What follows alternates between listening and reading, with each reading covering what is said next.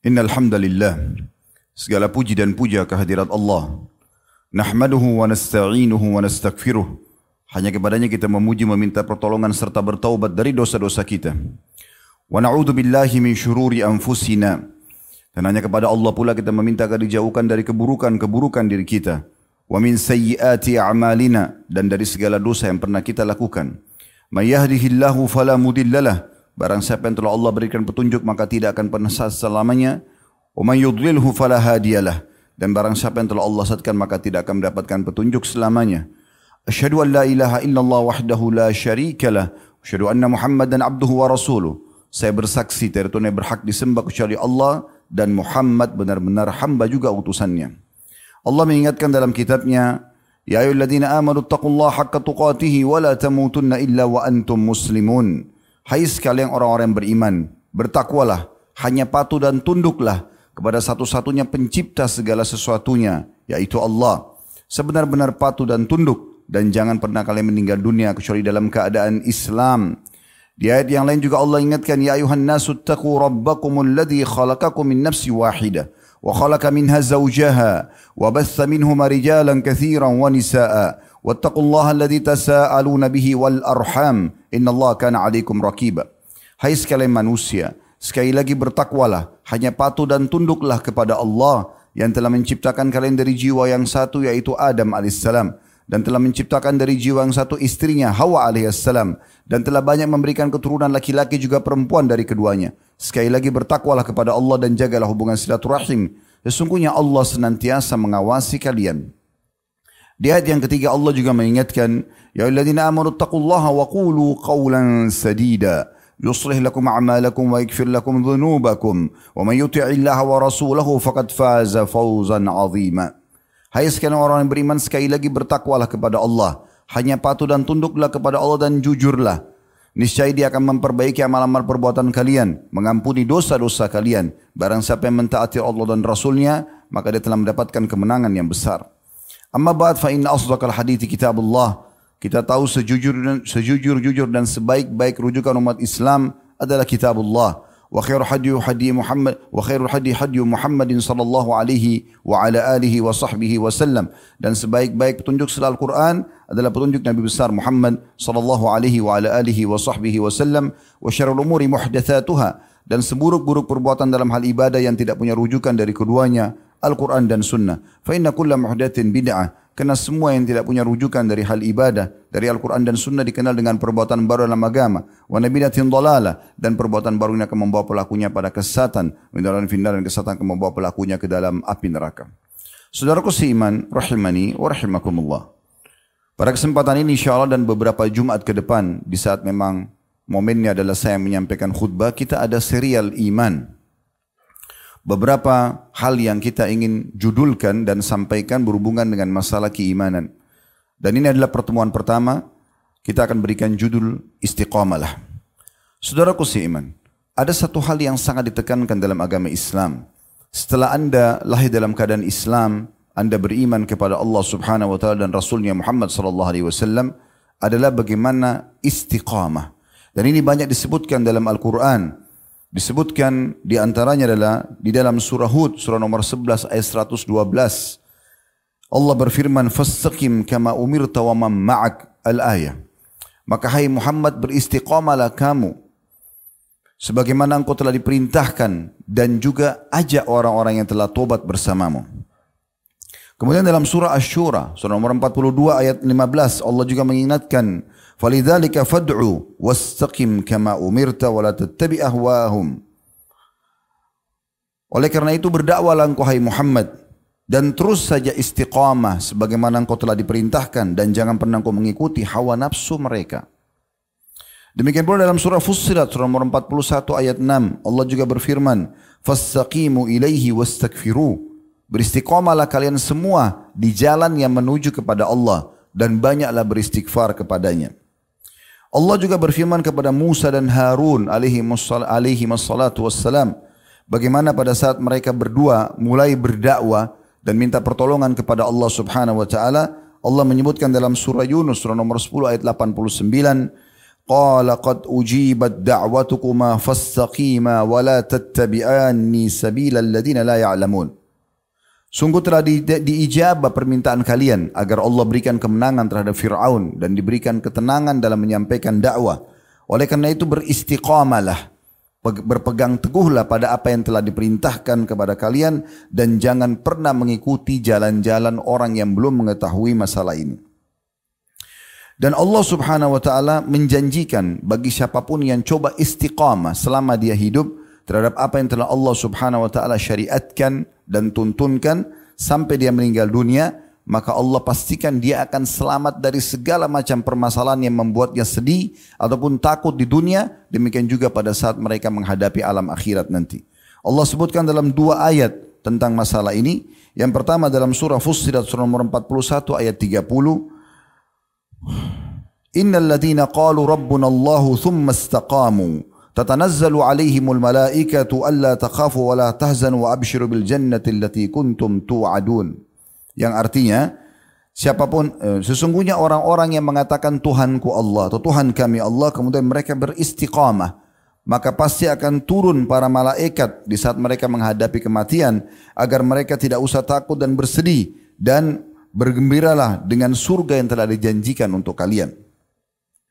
Demikian pula dalam surah Al-Ahqaf surah nomor 46 ayat 13 dan 14 mirip dengan ayat tadi sebelumnya Fussilat ayat 30 Allah berfirman innal ladina qalu rabbuna Allahu thumma istaqamu fala khaufun alaihim wala hum yahzanun. Ayat 13 Sesungguhnya orang-orang yang mengatakan Tuhan kami Allah dan mereka beristiqamah maka tidak perlu ada ketakutan dan juga rasa sedih bagi mereka. Kata sebagian ulama tafsir yang dimaksud di sini adalah tidak usah sedih pada saat menghadapi masalah sedahsyat apa pun di dunia karena Allah akan selalu datangkan pertolongan-pertolongannya. Juga tidak usah takut pada saat menghadapi kematian karena Allah akan mudahkan ruhnya diterima oleh para malaikat dan diterima oleh Allah Subhanahu wa taala Maksudnya dikeluarkan oleh malaikat dan diterima oleh Allah SWT. Dan tidak perlu takut menghadapi mahsyar yang penuh dengan ketakutan-ketakutan bagi orang yang tidak beriman kepada Allah. Karena mereka akan mendapatkan naungan Allah serta juga tidak perlu khawatir mereka akan masuk ke dalam neraka. Jadi semua bergabung dalam makna ayat ini. Dan ayat 14 yang Allah mengatakan ulaika ashabul jannati khalidina fiha jazaa'an bima kanu ya'malun. Dan pastinya mereka akan menjadi penghuni surga dan kekal di dalamnya sebagai balasan terhadap apa yang mereka lakukan. Hanya saya saudaraku seiman, banyak orang yang salah dalam memahami ayat ini. Mereka berpikir secara letterlet bahwasanya ayat ini orang yang mengatakan Tuhanku Allah lalu istiqamah, selesai. Seperti itu saja. Dan akhirnya mereka berpikir istiqamah itu sederhana. Apa saja yang bisa dia lakukan, dia kerjakan. Dan mereka mencampur adukan antara ketauhidan kepada Allah dengan kesyirikan. Coba dengarkan baik-baik bagaimana Abu Bakar radhiyallahu anhu sahabat yang mulia, mertua Nabi sallallahu alaihi wasallam, orang yang paling alim di antara umat ini setelah Nabi sallallahu alaihi wasallam sebagaimana disepakati oleh para sahabat. Beliau pernah bertanya kepada beberapa sahabat yang ada di sekelilingnya, kira-kira menurut kalian apa yang dimaksud dengan firman Allah, "Innal ladina innal ladina qalu rabbuna Allah thumma istaqamu." Sesungguhnya orang-orang yang mengatakan bahwasanya Tuhan kami Allah dan mereka beristiqamah. Maka mereka menjawab, orang-orang yang mengatakan Tuhan kami Allah, kemudian mereka mengamalkannya. Maksudnya iman mereka jadikan sebagai amalan dalam keseharian. Maka Abu Bakar mengatakan, kalian telah mengartikan secara tidak tepat. Tapi yang benar adalah mereka tidak menyimpang darinya, baik dengan berbuat syirik maupun yang lainnya. Jadi maksudnya adalah bukan hanya sekedar mengerjakan perintah, tapi harus tidak boleh merusak ketauhidan kepada Allah Subhanahu wa taala baru masuk dalam makna ayat mereka istiqamah. Mengikrarkan Tuhanku Allah artinya tidak akan pernah bergantung, meyakini, memohon dan seterusnya kecuali kepada Allah Subhanahu wa taala. Umar bin Khattab juga berkata tentang makna ayat ini pada saat beliau sedang khutbah Jumat di salah satu hari di masa khilafahnya. Beliau pada saat membaca firman Allah innal ladzina qalu rabbuna Allahu thumma istaqamu Orang-orang yang mengatakan Tuhan kami Allah lalu kemudian mereka beristiqamah. Beliau mengatakan demi Allah. Mereka konsisten kepada Allah dengan mentaatinya. Dengan tidak berkelok serta ber, sebagaimana atau seperti berkeloknya serigala. Jadi bukan hanya sekedar istiqamah untuk mengerjakan perintah. Tapi bagaimana mereka tidak merusak itu dengan melakukan kemaksiatan kepada Allah subhanahu wa ta'ala. Banyak di antara muslimin, mereka coba beriman kepada atau mereka sudah beriman kepada Allah karena lahir dalam keadaan Islam ataupun belajar agama. Tapi setelah itu mereka mengerjakan perintah dan mencampur adukkan antara perintah Allah Subhanahu wa taala dengan perbuatan-perbuatan yang melanggar hukum Allah. Sehingga tidak dinyatakan mereka beristiqamah. Karena masih saja melakukan perbuatan syirik, perbuatan bid'ah, kemaksiatan dan terus-menerus maka mereka tidak mendapatkan keutamaan ayat yang tadi disebutkan.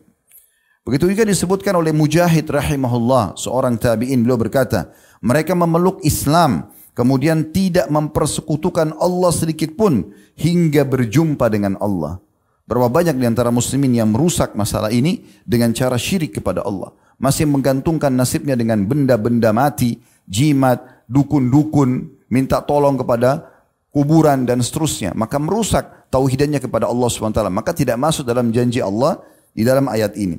Begitu juga Ibnu Rajab rahimahullah mengatakan dalam Jami'ul Ulum wal Hikam karya beliau halaman 205 kurang lebih terjemahannya istiqamah adalah menempuh jalan yang lurus yaitu agama yang lurus yang telah Allah perintahkan tanpa berbelok darinya sedikit pun baik ke kanan maupun ke kiri dan itu mencakup pelaksanaan semua ketaatan apakah wajib atau sunnah baik yang lahir maupun batin serta meninggalkan semua larangan tanpa terkecuali jadi ini memang dilakukan mengerjakan perintah dan tidak mencampur adukkan antara perintah tersebut dengan larangan-larangan. Karena masih banyak di antara muslimin menganggap dirinya istiqomah, padahal sebenarnya mereka tidak istiqomah karena masih membuka pintu-pintu dosa yang sudah jelas itu racun dalam kehidupannya. Demikian juga, demikian juga dalam sebuah hadis yang sahih riwayat Imam Muslim, Pernah ada seorang sahabat mengatakan kepada Nabi SAW, Kulli fil islami qawlan la as'alu anhu ahadan ghairak. Ya Rasulullah, sampaikan kepadaku satu perkataan, satu nasihat, satu wasiat yang aku tidak perlu lagi tanya kepada selain anda. Maksudnya, ringkaskan untukku Islam ini. Supaya aku jadi faham dan tidak perlu lagi aku bertanya. Maka Nabi SAW memberikan sebuah potongan kalimat yang luar biasa. Beliau mengatakan, Kul amantu billah thumma istaqim. Katakan, ikrarkan ya, dengan fikiran, ucapkan dengan lisan, yakini dengan hati bahwasanya Tuhan kau Allah, kemudian istiqamah dengan dan komitmen dengan perkataan tersebut. Artinya tidak syirik, tidak melakukan kemaksiatan-kemaksiatan, termasuk kemaksiatan di sini. Karena memang Allah Subhanahu wa taala cemburu dengan pelanggaran-pelanggaran hambanya. Oleh karena itu kalau kita ingin dinyatakan dalam ayat ini mendapatkan jaminan setiap ada masalah di dunia Allah berikan solusinya dan tidak perlu ada ketakutan. Pada saat kematian juga tidak perlu takut menghadapi malaikat maut. Pada saat di kuburan, di mahsyar dan akhirnya melewati neraka menuju ke surga. Semuanya ada jaminan keselamatan harus betul-betul. Begitu mengiman kepada Allah, mengerjakan perintah dan tidak mencampur adukkan sekali lagi perintah tersebut dengan kemaksiatan. Kemudian juga di dalam sebuah riwayat yang perlu kita jadikan bahan renungan, memang disebutkan dalam hadis ada masa di mana iman kita melemah. Tetapi di masa melemah itu harus digunakan menuju kepada sunnah Nabi SAW atau agama ini. Dan jangan pada saat kita melemah justru membuka pintu-pintu dosa. Dengarkan baik-baik hadis diriwayatkan Imam Ahmad. Kata Nabi SAW, Inna likulli abidin syirrah. Sesungguhnya setiap orang yang beribadah itu punya masa semangat. Dia selalu ingin beribadah. Walikulli syirratin fatrah. Tapi ketahuilah di setiap masa semangat itu ada nanti titik di mana dia jenuh. Fa imma ila sunnatin wa imma ila bid'atin.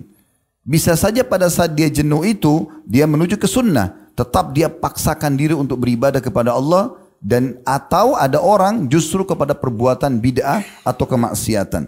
Faman kanat fatratuhu ila sunnah faqad ihtada. Siapa yang pada saat lagi melemah imannya, kemudian dia menuju ke sunnah, maka dia telah mendapatkan hidayah. Wa man kanat fatratuhu ila ghairi dzalika faqad halak. Dan siapa yang kira-kira pada saat dia lagi lemah justru menuju kepada selain sunnah, selain perintah-perintah agama dan perintah Nabi SAW, maka dia telah binasa. Juga Nabi SAW mengingatkan kepada kita, orang-orang yang belak-belok, suka bergonta-ganti imannya, Bahkan sampai pada tingkat karena mereka lalaikan dari hal-hal yang kecil sampai menjadi hal yang besar. Di antara orang ada yang beriman di masa Nabi SAW, kemudian mereka lemah imannya dan mereka tidak kembali kepada agama, tidak berkumpul dengan orang-orang beriman, tidak coba bertanya kepada para ulama. Akhirnya mereka lalai dan murtad dari agama Islam. Dan Nabi SAW menyebutkan dalam dua riwayat, riwayat yang pertama dari riwayat Imam Muslim, beliau mengatakan, Ala la rijalun an haudhi. Sesungguhnya nanti akan diseret dan dijauhkan sebagian orang dari telagaku pada hari kiamat. Kama yudhanu al-ba'irud. Sebagaimana unta yang hilang diseret supaya dia mau kembali kepada tuannya. Unadihim ala halumma. Aku lalu memanggil mereka, ayo sini, ikut minum bersama-sama di telaga. Fayuqal, maka para malaikat mengatakan, innahum qad baddalu ba'daka. Sesungguhnya mereka setelah kau meninggal hai Muhammad, setelah berpisah darimu, mereka mengubah apa yang telah mereka katakan. Mereka berubah dari keimanan mereka. Maka kata Nabi SAW, fa'akul suhqan suhqan. Maka aku mengatakan jauhlah dan jauhlah dari aku. Atau sudah jauh kalian daripada aku. Dalam riwayat yang kedua, riwayat Ibnu Majah mirip dengan ini. Innahum qad baddalu ba'dak. Sesungguhnya mereka telah mengubah keyakinan mereka setelah engkau meninggal. Walam yazalu yarji'una ala aqabihim. Dan sayangnya mereka terus saja dengan kelalaian tersebut. Lemah imannya, salah mereka terus ikutin. Maka makin jauh. Fa'akulu ala suhkan suhkan. Maka aku pun berkata, sungguh celaka, sungguh jauh dan celaka atau menjauhlah. Ada beberapa sebab-sebab teman-teman sekalian yang ini menjadi inti juga bahasan dalam khutbah ini. Sebab-sebab orang tidak istiqamah. Yang pertama sudah tidak asing lagi adalah godaan syaitan. Bagaimana syaitan memang sudah berjanji dan berazam di hadapan Allah Azza wa Jal untuk menyesatkan anak Adam. Dan tidak akan pernah jenuh Sekali kita memohon kepada Allah a'udzubillahi rajim, maka yang satu ini terbakar oleh panah malaikat atau diusir oleh Allah, maka yang datang ada gantinya dan seterusnya seperti itu. Tidak akan pernah mereka jenuh untuk menyesatkan manusia. Allah menyebutkan dalam Al-Quran apa yang diucapkan oleh iblis untuk menjadi pelajaran bagi orang-orang beriman. A'udzu billahi minasyaitonir rajim. Qala fa bima agwaytani la aqudanna lahum siratal mustaqim. Sebagaimana engkau telah pastikan putuskan aku sesat ya Allah, sesungguhnya aku pasti akan menjauhkan mereka dari jalanmu yang lurus. Thumma la'atiyanna min baini aydihim. Dan aku pasti akan menggoda mereka dari hadapan mereka. Wa min khalfihim dan dari belakang mereka. Wa an aymanihim dan dari sisi kanan mereka. Wa an syama'ilihim dan dari sisi mereka. Wa la tajidu aktsaruhum syakirin. Dan engkau tidak menemukan mereka termasuk hamba-hambamu yang bersyukur. Tapi di sini ada sebuah ayat berita gembira yang disampaikan oleh Allah Subhanahu wa taala kepada kita semua. Kalau syaitan, iblis walaupun berazam seperti ini, tapi Allah sudah patok dia. Allah sudah berikan dia batasan. Dia hanya bisa membisikkan saja. Dan Allah sudah memastikan dalam firman-Nya dalam surah An-Nisa ayat 76, "Inna kaida syaitani kana dha'ifa." Sesungguhnya tipu daya syaitan sangat lemah. Kenapa lemah? Karena dia hanya membisikkan. Kita mau sholat, udahlah nggak usah sholat dulu, nanti aja, tunda. Tinggal kita tolak selesai.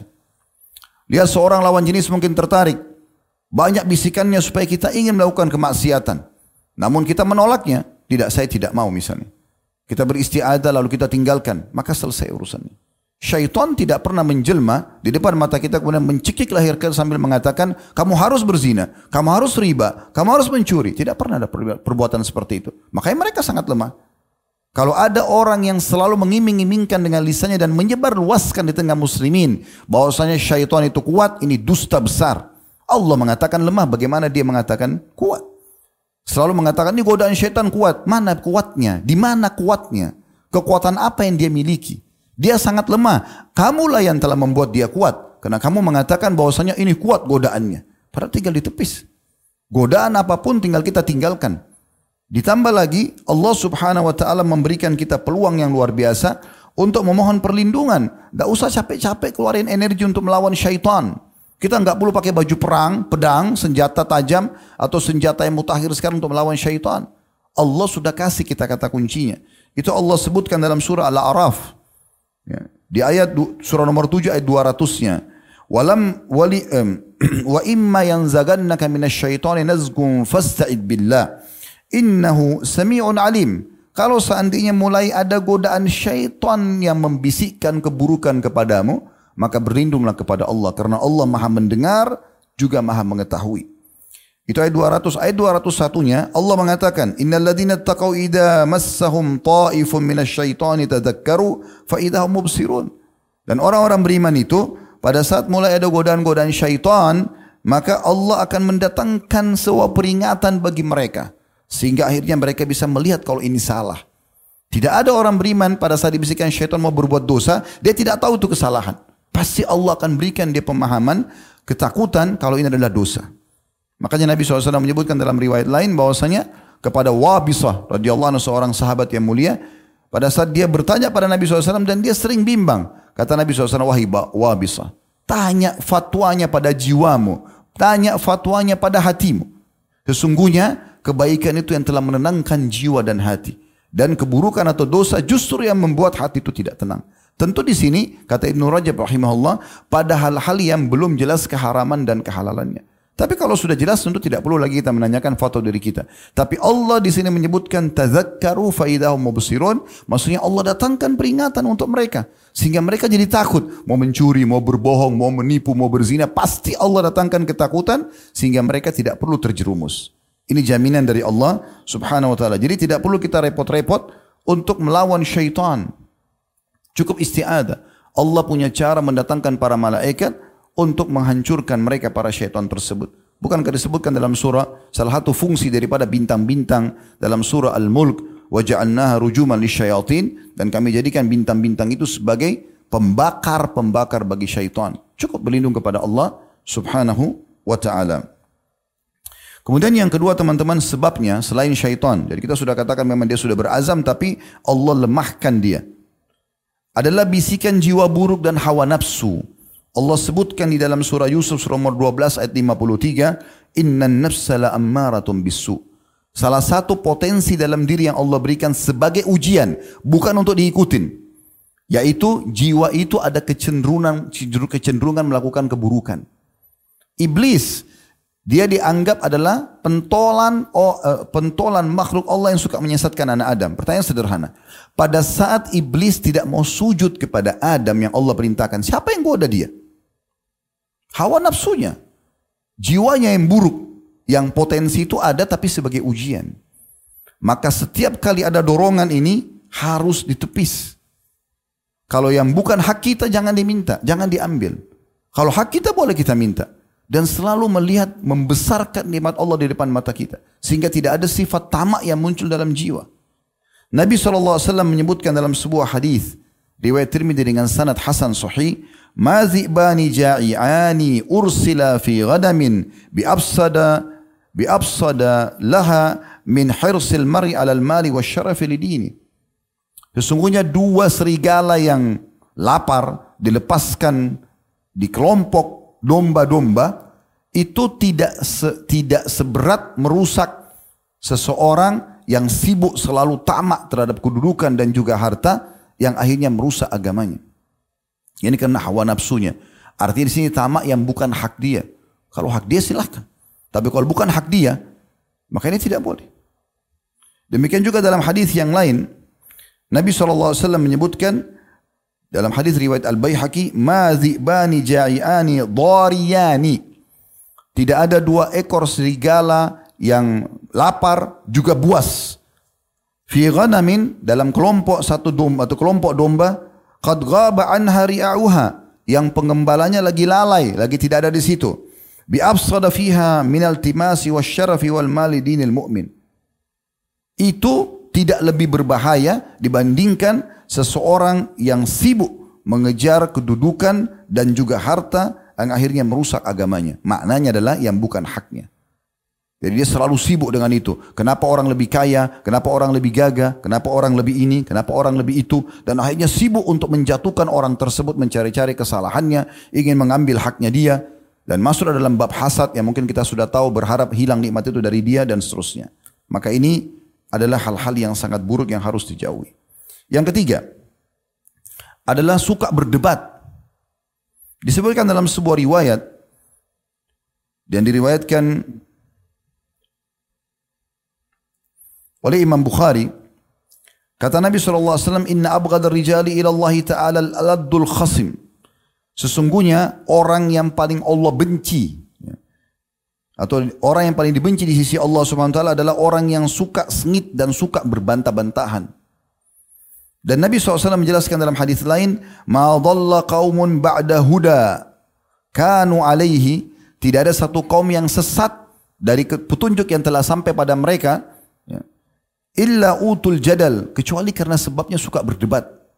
Thumma tala Rasulullah sallallahu alaihi wasallam hadhil Kemudian Nabi SAW membaca ayat ini. Wa qalu aaliyatuna khairun amhu bal darabu, ma darabuhu laka illa jadala bal hum qaumun khasimun. Lalu Nabi SAW membacakan ayat ini tentang bagaimana orang-orang Quraisy membantah-bantah Nabi SAW. Mereka kalau tidak mau beriman, mereka diam saja. Tapi mereka malah membantah Nabi SAW sambil mengatakan, e, apakah Tuhan kami, patung-patung ini, lebih baik daripada Isa? Waktu itu kebetulan Nabi SAW sedang menjelaskan tentang Isa alaihissalam. Maka kata Allah SWT, mereka tidak memberikan perumpamaan itu kepadamu kecuali karena suka berdebat saja. Dan mereka adalah kaum yang suka mengada-ngada atau suka ribut. Nabi SAW juga menyebutkan dalam sebuah hadis yang sahih disebutkan dalam Jami' As-Saghir dan juga Ibn Abi Dunya sebutkan dalam buku beliau Zammil, Zammil Ghiba. Kata Nabi SAW, Menjadala fi khusumatin bighairi ilmin. Siapa yang berdebat ya, pada sesuatu perkara yang dia tidak punya ilmu di situ, tidak ada manfaatnya buat dia. Lam yazul lam yazal fi sakhatillahi hatta yanzi'. Maka dia akan terus berada di murka Allah sampai dia meninggalkannya. Juga Nabi tentu di sini dimaksud adalah orang berdebat. Jadi kalau seandainya ada orang kasus misalnya, ada orang ingin menanyakan sebuah hukum atau mendiskusikan sebuah hukum. Dia belum faham atau dia punya dalil, kita punya dalil. Lalu kita berargumentasi saling menyampaikan. Ini terjadi di kalangan sahabat, terjadi di kalangan para ulama. Imam Syafi'i Allah pernah berdebat dengan rivalnya. Tapi dengan hujah masing-masing. Cuman kalau sampai kita sudah menyampaikan hujah, ternyata dia tetap ngotot dengan pendapatnya padahal sudah jelas salah, tinggalkan saja. Ini kalau ada ilmiahnya. Tapi kalau tidak ada ilmiahnya, berdebat pada hal-hal urusan dunia yang kecil, ribut dengan hal-hal yang tidak penting, maka ini yang masuk dalam ancaman tadi. Jadi banyak orang menyibukkan hal dengan seperti ini. Kemudian juga Nabi SAW mengatakan dalam sebuah hadis yang sahih riwayat Tirmidzi, al-haya wal iyyu syu'batani minal iman. Malu dan sedikit berbicara, tidak banyak berdebat. Berbicara pun sesuatu yang penting, bermakna. Orang mukmin kalau bicara itu emas, ada manfaatnya. Ya. Kalau bukan hal yang perintahkan maka minimal mubah. Selain daripada ini tidak ada negosiasi.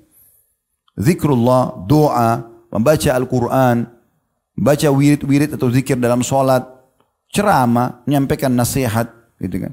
Maka ini atau amr ma'ruf nahi mungkar, semua ini adalah hal yang disunnahkan. Atau mubah, nanyain kabar orang, gembirakan hati seseorang, misalnya menghiburnya dan seterusnya. Tapi selain daripada ini tidak ada lagi. Kalau bertutur kata sesuatu yang kosong, Apalagi pada maksiat ini tidak dibolehkan. Kata Nabi SAW, malu dan sedikit berbicara adalah dua cabang dari cabang keimanan. Wal badha'u wal bayanu syu'batani minan nifaq. Sementara orang yang suka berkata kotor dan suka berdebat. Selalu apa saja berdebat. Hobi dengan berdebat. Maka ini adalah dua cabang dari cabang-cabang kemunafikan. Yang keempat, kelalaian dan suka menunda-nunda amal saleh.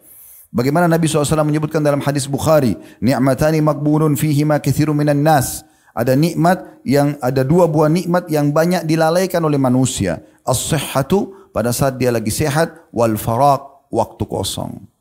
Pernah dengar nggak teman-teman sekalian? Banyak orang mengatakan dirinya, oh saya lagi kosong nggak tahu buat apa. Tidur. Sibuk dengan melihat sesuatu tontonan yang tidak ada manfaatnya. Ini menyanyiakan waktunya. Sampai sebagian salaf mengatakan pada saat melihat ada sebagian anak-anak muda duduk ngobrol kosong di pinggir jalan tidak ada manfaatnya beliau mengatakan demi Allah kalau seandainya waktu mereka bisa aku beli aku akan beli. Kalau bisa dibagi, saya beli waktunya saya pakai untuk saya berzikir atau hal yang bermanfaat. Untuk apa nongkrong di pinggir jalan omong kosong? Untuk apa duduk di kafe berjam-jam menghabiskan waktu tidak ada manfaatnya? Kalau duduk ngobrol yang bermanfaat, diskusi masalah ilmiah itu penting. Gak ada masalah atau berbicara masalah bisnis karena memang kita butuhkan untuk masa eh, kebutuhan hidup kita mungkin. Hal yang bermanfaat kalau bukan diperintahkan minimal mubah. Selain daripada ini tidak ada negosiasi. Harus seperti itu seorang muslim melakukan agar dia istiqamah di jalan Allah subhanahu wa ta'ala. Juga kata Nabi SAW dalam sebuah hadis yang mulia diriwayatkan oleh Tirmidzi. Kata Nabi SAW badiru bil a'mali sab'an. Segera beramal saleh sebelum datang tujuh hal. Hal tantadiruna illa ila fakrin munsin. Apakah kalian nunggu nanti pada saat tiba kemiskinan yang membuat lalai? Pernah lihat orang-orang yang sangat miskin sampai tidak ada kesempatan dia untuk sholat. Karena susahnya cuma cari sesuap makanan. Nunggu itu baru kemudian mau beramal soleh. Auginan mutgin atau kekayaan yang membuat lalai. Terlalu kaya, sibuk ngumpulin harta jadi lupa. Telat sholatnya, ya. Tak tahu, tak mau tak mau lihat lagi ini halal atau haram. Yang ketiga, maradun mufsid atau penyakit yang merusak. Stroke tiba-tiba. Ya. Harus ini dan itu. Cacat tiba-tiba tabrakan dan seterusnya. Yang keempat, au haramin mufannidin. Atau masa tua pikun yang membuat sudah tidak bisa berbuat apa-apa. Au mautin mujhizin. Atau mati yang tiba-tiba datang. Au dajjali fasyarru ghaibin yuntadhar. Atau dajjal sosok yang paling yang yang yang gaib yang buruk untuk ditunggu. Mau tunggu itu keluar baru mau beramal saleh. Awis sa'atu awis sa'ati wasfas sa'atu adha wa amar. Atau kalian tunggu hari kiamat terjadi, kiamat itu jauh lebih dahsyat dan lebih pahit. Yang kelima, sahabat dan lingkungan buruk. Jadi ada enam poin di sini ya. Yang kelima adalah sahabat dan lingkungan buruk. Ada sebuah ayat Al-Quran yang mulia yang perlu kita kenang kembali. Ini terjadi di masa Nabi SAW sebab turutnya ayat. Masih di fase Mekah. Ada seseorang yang bernama Uqbah bin Abi Mu'aid. Orang ini punya persahabatan dengan Nabi SAW. Satu waktu Nabi SAW eh, diundang makan oleh dia ke rumahnya. Uqbah mengundang Nabi SAW makan di rumahnya. Waktu sudah dihidangkan makanan, Nabi SAW karena ingin ini sahabatnya, ingin supaya dia masuk Islam, dapat hidayah. Orangnya baik, orangnya dermawan. Maka kata Nabi SAW, saya tidak mau makan sampai kau syahadat. Maka Uqbah kena merasa malu dengan Nabi SAW, dia syahadat. Dia salah satu tokoh Quraisy. Maka gembira Nabi SAW makan bersama dia sudah muslim. Tersebar satu Mekah, salah satu tokoh Mekah masuk Islam. Dan Uqbah ini punya persahabatan sama Ubay bin Khalaf. Ini salah satu orang yang paling jahat. Gitu. Kan. Sahabat dekatnya Abu Jahal, Abu Lahab, Ubay bin Khalaf. Maka Ubay ini bersahabat juga dengan Uqbah dan punya punya bisnis bersama-sama. Banyak jasanya kepada Uqbah. Lalu dia mengatakan, "Hai Uqbah, apakah kau sudah pindah ke agama Muhammad?" Kata Uqbah, "Saya cuma tidak enak." Karena kan dia masih mu'allaf memang, hati masih lemah. Tapi diganggu sama Ubay dikatakan, "Apakah kau sudah pindah ke agama Muhammad?" Kalau begitu putus semua bisnis kita, putus semua hubungan kita. Kecuali kau nyatakan kalau kau keluar dari agama Muhammad tidak cukup di situ, kau harus ludahi mukanya Muhammad. Maka yang terjadi, Uqbah pun karena merasa terganggu, bisnisnya akan hilang, dunianya akan hilang, sahabatnya juga ini akan hilang. Dia datangi Nabi SAW dekat, dekat Ka'bah atau lagi tawaf, lalu dia mengatakan, saya bukan agama Muhammad, lalu dia ludahi wajah Nabi SAW. Gara-gara perbuatan ini, Allah pastikan kedua orang ini mati dalam keadaan kafir. Dan Allah pastikan masih di dunia, mereka masih hidup, nanti hari kiamat, Uqbah bin Abi Muaid ini akan menyebutkan ayat ini, atau masuk dalam ayat ini. Allah sebutkan dalam surah Al-Furqan surah nomor 25 ayat 27 sampai 29 yang bunyinya ya wa yauma ya'addu adh-dhalimu 'ala yadayhi yaqulu ya laitani ittakhadtu ma'ar rasuli sabila. Nanti pada hari kiamat akan ada orang zalim ini. Siapa? Khusus Uqbah bin Abi Mu'aid. Turun ayat ini kepada dia. Nanti dia akan gigit kedua tangannya pada hari kiamat karena menyesal. Dan dia mengatakan coba dulu saya mengikuti Rasul. Ya wailata laitani lam attakhid fulanan khalila Coba dulu saya tidak jadikan itu sebagai sahabat dekat saya. Yang dia maksud adalah Ubay bin Khalaf. Ini subhanallah ayat ini teman-teman turun di masa mereka masih hidup. Tapi Allah sudah tutup hati mereka. Karena perbuatan buruk yang dia lakukan kepada Nabi alaihi salatu wassalam. Kemudian dikatakan, Laqad adallani anil dzikri ba'da idja'ani. Sungguh orang ini telah menyesatkan saya setelah datang kepada saya peringatan. Sudah masuk Islam murtad. Maka dia menyesal. Wa kana syaitanu insani khadzula. Dan ketahuilah syaitan itu selalu menipu manusia. Dan Nabi SAW mengingatkan dalam sebuah hadis riwayat dengan sanad hasan riwayat Tirmidzi, Abu Dawud dan, dan Imam Ahmad hadis yang masyhur al-maru ala dini khalili falyanzur ahadukum ila man yukhalil. Seseorang sesuai dengan agama atau temannya ataupun lingkungannya, maka kalian harus jeli melihat siapa yang kalian jadikan sebagai teman. Jangan pernah bilang teman-teman sekarang saya tidak terpengaruh kok, tidak apa-apa. Mereka belum belum belum dapat hidayah, mereka belum hijrah nggak apa-apa. Saya tidak terpengaruh. Bohong, nggak terpengaruh. Dari mana nggak terpengaruh? Antum sendiri satu orang, mereka berlima masih merokok, mereka berlima masih mabuk, mereka masih berzina, mereka masih gosip. Lalu bilang tidak terpengaruh, dusta besar. Bagaimana caranya? Kita sensitif sekali. Tangan kita ini kalau pegang sebuah benda, misalnya saya pegang ya kulit yang ada di mimbar ini, ada kulit bagian dalam sini, saya bisa bedakan ini kasar atau lembut dalam seketika. Mata kita bisa bedain ini terang atau ini gelap seketika. Telinga kita bisa bedain ini intonasi suara keras atau atau tidak atau lembut seketika. Hidung kita bisa bedain ini wangi dan ini busuk seketika. Lidah kita bisa bedain mana manis, mana asam, mana pedas seketika. Lalu kita katakan kita tidak terpengaruh. Dari mana itu? Para salafus soleh lari dari orang-orang yang berbuat syirik, berbuat bid'ah, lari dari mereka, lari dari orang-orang yang berbuat kemaksiatan. Kalau mereka datang minta nasihat, iya. Tapi kalau untuk duduk bersama-sama tentu mereka menghindar. Karena kalau kita duduk dan didominasi oleh mereka berbicara, bahkan pasti kita terpengaruh. Dua jam duduk nonton film India, oh saya tidak terpengaruh. Dusta besar. Bagaimana caranya? Ada sedih, ada senang, ada lagu, ada perempuan terbuka orang tidak terpengaruh. Sebagaimana juga kalau kita nonton ceramah kita akan terpengaruh. Maka harus ambil keputusan ini. Tidak boleh mencampur adukan antara amal soleh dan iman dengan maksiat. Tidak boleh. Amal soleh ditentukan oleh Allah SWT untuk dipelajari dan dan diterapkan. Maksiat itu untuk dipelajari dan dijauhi, bukan dicoba. Enggak usah bilang saya mau coba dulu zina itu seperti apa, khamar seperti apa, itu babi seperti apa, enggak perlu. Disampaikan oleh Allah untuk dijauhi sudah, enggak usah coba. Selesai urusannya. Selamatkan diri antum sebelum terlambat. Yang bisa menentukan hanya kita sendiri. Maka hati-hati.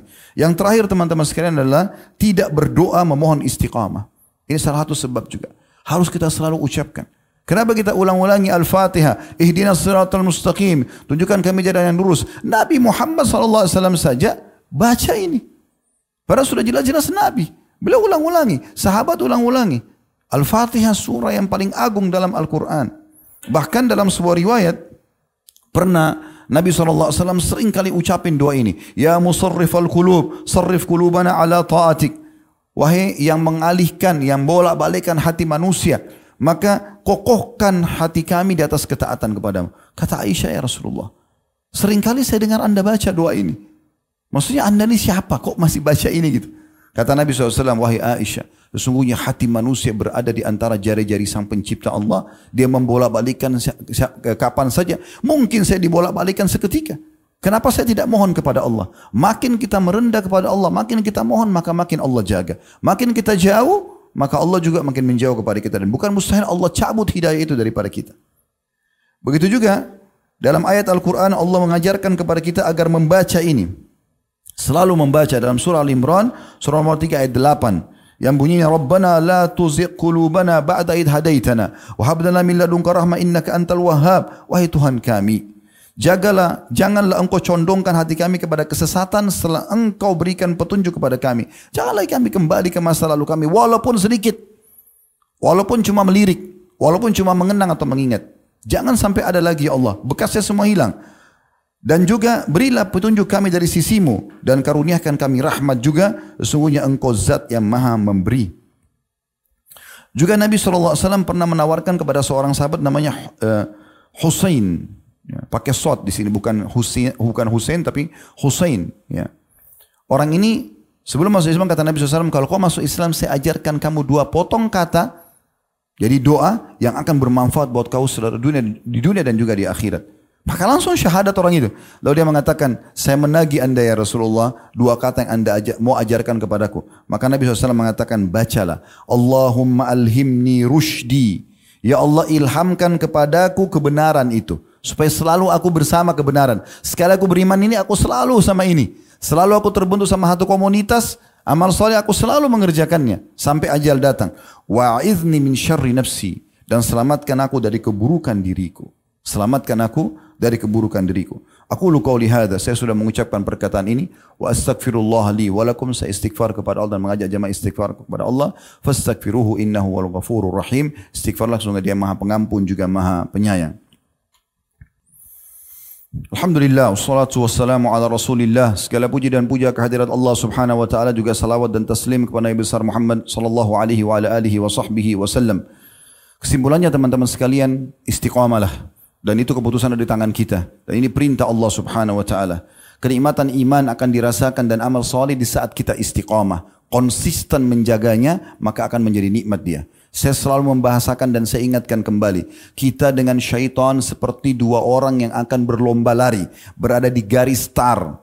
Kalau anda tidak memulai lari, maka rival kita akan terus menjatuhkan kita. Kamu nggak bisa, kamu nggak mampu, kamu begini dan begitu. Selama kita masih di tempat itu, tidak memulai amal soleh, tidak memulai sholat malam, sedekah, baca Quran, tidak memulainya.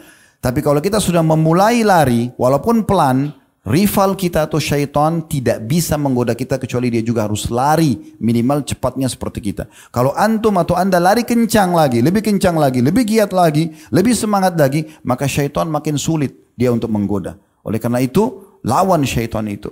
Jangan ikuti bisikannya dan istiqomahlah mulai sekarang. Kita tidak bicara yang lalu, apa yang sudah berlalu, itu qadar Allah masya'fal. Kalau buruk kita istighfar, kalau baik kita mohon kepada Allah agar diterima sebagai amal saleh. Mulai hari ini anda sudah dengar ceramah sampai ke depan, istiqamalah. Karena ini adalah jalan yang terbaik. Hari Jumat adalah hari yang mulia, di mana Allah subhanahu wa ta'ala memberikan kesempatan agar doa diijabah. Dalam riwayat Nabi SAW, yaitu terjadi pada saat khatib berada di khutbah kedua sampai diiqamakan sholat. Riwayat yang lain dikatakan adalah ada 12 waktu Jumat itu dan perbanyaklah atau kejarlah doa mustajab itu habis asar terbenam matahari.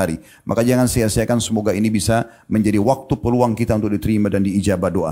Alhamdulillahirabbil alamin. Kami muji ya Allah sebagaimana Engkau layak untuk dipuji sebagai pencipta dan dan juga kami mengucapkan salam hormat kami kepada Nabi Muhammad wasallam mana Engkau telah perintahkan kepada kami. Ya Allah kami tidak berkumpul di masjid ini atau di musalla ini kecuali karena menjalankan satu perintah yang Engkau amanahkan kepada kami yaitu salat Jumat. Maka terimalah amal soleh ini dengan pahala yang sempurna dan terimalah seluruh amal-amal soleh yang pernah kami kerjakan, yang sedang kami kerjakan, yang akan kami kerjakan sampai menjelang ajal datang nanti dengan pahala yang sempurna. Dan ya Allah banyak sekali kesalahan kami, dosa-dosa kami, tapi rahmatmu lebih luas. Maka ampunilah semua itu ya Allah. Dan gantilah dengan kemahmuran menjadi pahala sebagaimana kau sebutkan dalam firmanmu. Ulaika ladina yubaddilullah sayyiatim hasanat. Mereka adalah orang-orang yang Allah ganti pahala dosa-dosa mereka menjadi pahala. Ya Allah, kami juga memiliki kedua orang tua, kerabat-kerabat kami, semua orang-orang yang kami kenal, bahkan muslimin dan muslimat. Mereka butuh rahmat dan pengampunanmu. Maka ampunilah muslimin dan muslimat, mu'minin dan mu'minat yang hidup dan juga yang sudah meninggal. Ya Allah, tentramkan hidup kami di negara kami. Amankan negara kami. Jadikan Indonesia negara yang aman, tentram, damai. Seluruh umat Islam di bawah naungan ukhuwah Islamiyah. Angkat perselisihan di antara mereka dan satukan mereka di bawah naungan Al-Quran dan Sunnah. Dan ya Allah, lunasilah utang negara-negara kami. Berikanlah utang, lunasilah utang negara kami. Berikanlah petunjuk para pemimpin kami agar selalu taat kepadamu. Dan memberikan hak seluruh masyarakat. Dan jadikan kami juga sebagai masyarakat yang patuh, yang mendukung dengan doa-doa dan nasihat yang baik kepada para pemimpin kami. Rabbana atina fid dunya hasanah wa fil akhirati hasanah وقنا عذاب النار وادخلنا الجنة مع الأبرار. يا عزيزي يا رب العالمين صلى الله نبينا محمد والحمد لله رب العالمين. إن الله يعمر بالعدل والإحسان وإيتاء ذي القربى. Sesungguhnya Allah selalu menyuruh kita berbuat keadilan, kebaikan dan juga berbuat bantuan, memberikan bantuan kepada sanak kerabat. Uh, Inna Allah yang adli wal ihsan wa ita'i wa yanha 'anil fahsya'i wal munkari wal bagi dan Allah melarang perbuatan keji, perbuatan dosa dan kemungkaran ya'idukum la'allakum tadhakkarun. Itu peringatan dari Allah maka jadikan sebagai prinsip hidup kalian. Fadhkurullaha al-'azim yadhkurkum. Ingatlah Allah maka Allah akan ingat kepada kalian.